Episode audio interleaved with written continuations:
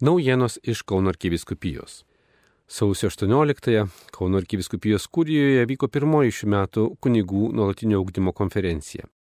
Joje Tiberiados bendruomenės brolis, kunigas Mišelis, pristatė pasidalymą apie dvasinę tėvystę, kunigišką į celibatą ir kunigo pašaukimą. Be to šiame sustikime buvo aptarti ir einamieji silovados klausimai. Svečias papasakojo, jog visai netrukus, kai 1991 metais atvyko ir apsigyveno, Tiberiados broliai suprato žmonių poreikį atvažiuoti į šią atokią vietą Zarasų rajone. Ir dabar per metus Baltriškėse priimama per tūkstantį žmonių. Brolis Mišelis daug kalbėjo apie jaunimo palydėjimą ir pasidalymo patirtimi įgytą bendraujant su atvykstančiais, draugės su jais, dirbant ir melžiantis. Brolių dvasinės tėvystės patirtis byloja, kad jauni žmonės labiausiai ieško bendrystės, pasikalbėjimo, šeiminiškos aplinkos. Jie ieško ir autoriteto, kuris parodytų gyvenimo kryptį ir prasme. Jaunuoliams reikia suteikti vidinio tvirtumo, nes daug jų auga šeimose be tėvo. Svečias plačiau palėtė ir kunigų ir vienuolių pašaukimą būti žmonių palydėtojais. Brolių iš Belgijos nuomonė, bažnyčios Lietuvoje autoritetas kyla iš to, jog ji visada buvo su tauta, lydėjo ją išbandymų metais. Mes, kunigai, esame ženklai Dievo, kuris myli savo tautą ir yra kartu su jos žmonėmis, pabrėžia kunigas Mišelis atkreipdamas dėmesį, jog kunigai lydi bei stiprina žmonės ir teikiamais sakramentais ir homilijomis, tačiau ir patys turėtų rūpintis savo dvasiniu augimu, ugdytis atvirumą Dievo veikimui.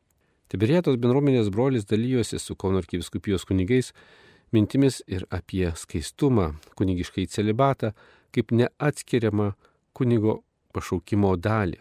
Taip pat jis atsakė ir į kunigų klausimus.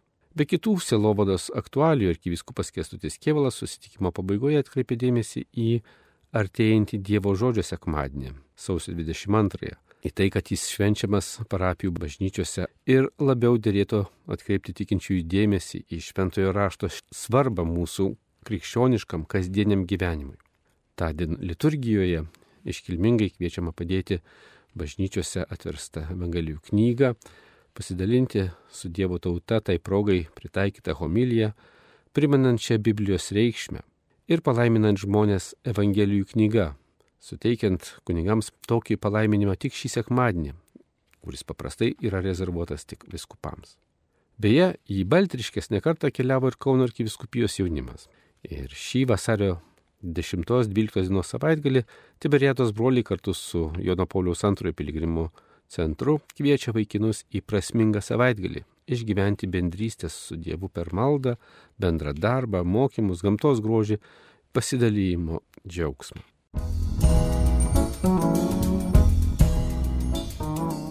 Bažnyčia pradeda maldos už krikščionių vienybę savaitę, tad kartu melskime, kad vienybė imtų viršų visose krikščionių bendruomenėse, kad suskilimai būtų įveikti šventosios dvasios galybę ir per krikščionių pastangas, sakė arkivyskupas Kestutis Kievalas šį trečiadienį Kauno arkikatūroje vadovavęs vakarų Euharistijai su šeimomis, šeimos centro bendradarbiais ir kitais tikinčiaisiais.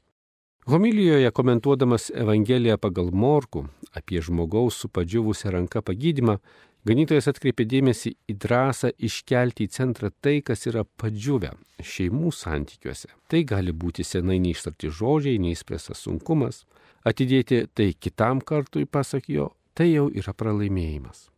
Mums reikia drąsos Lietuvoje ir pasaulyje, kalbant apie tai, kas yra šeima, kokia yra jos prigimtis ir tai, ką Jėzus sakė apie šeimą kaip nesulaužoma ištikimybė. Mums reikia drąsos liūdyti tą šeimos grožį, kokį mums paliko Jėzus, sakė arkivyskupas Kestutis Kievalas šio trečiadienio maldoje už šeimas Kauno katedroje.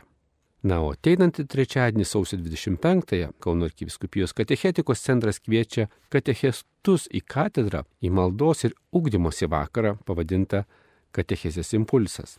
Tądien 17 val. prasidės Euharistijos adoracija, arkivyskupo Kestučio Keivalo įvadinis žodis, po to 18 val. šventosios mišios. Joms pasibaigus rengiami trys skirtingi teminiai sustikimai katechetams, tarnaujantiems vaikų, jaunimo ir suaugusiųjų katecheziją.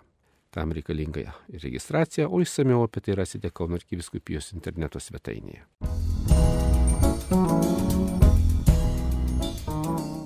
Iki vasario penktosios Kviečiama registruotis ir į šių metų misijų mokyklą bei dalintis nuostabiais Dievo darbais.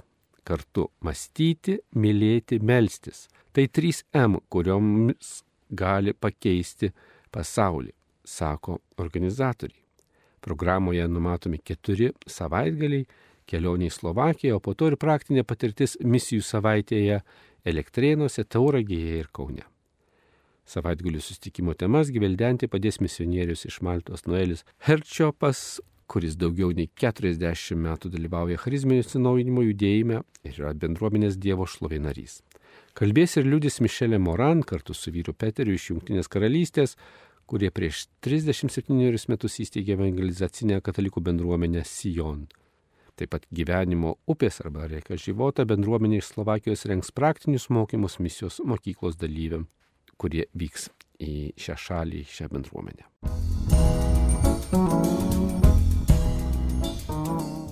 Švenčiame maldos už krikščionių vienybę aštuondienį. Šiandien, penktadienį, 18.30 Kristaus prisikėlimo bazilikoje Kaune rengiamos ekumeninės pamaldos, į kurias kviečiamos krikščioniškos bažnyčios ir bendruomenės.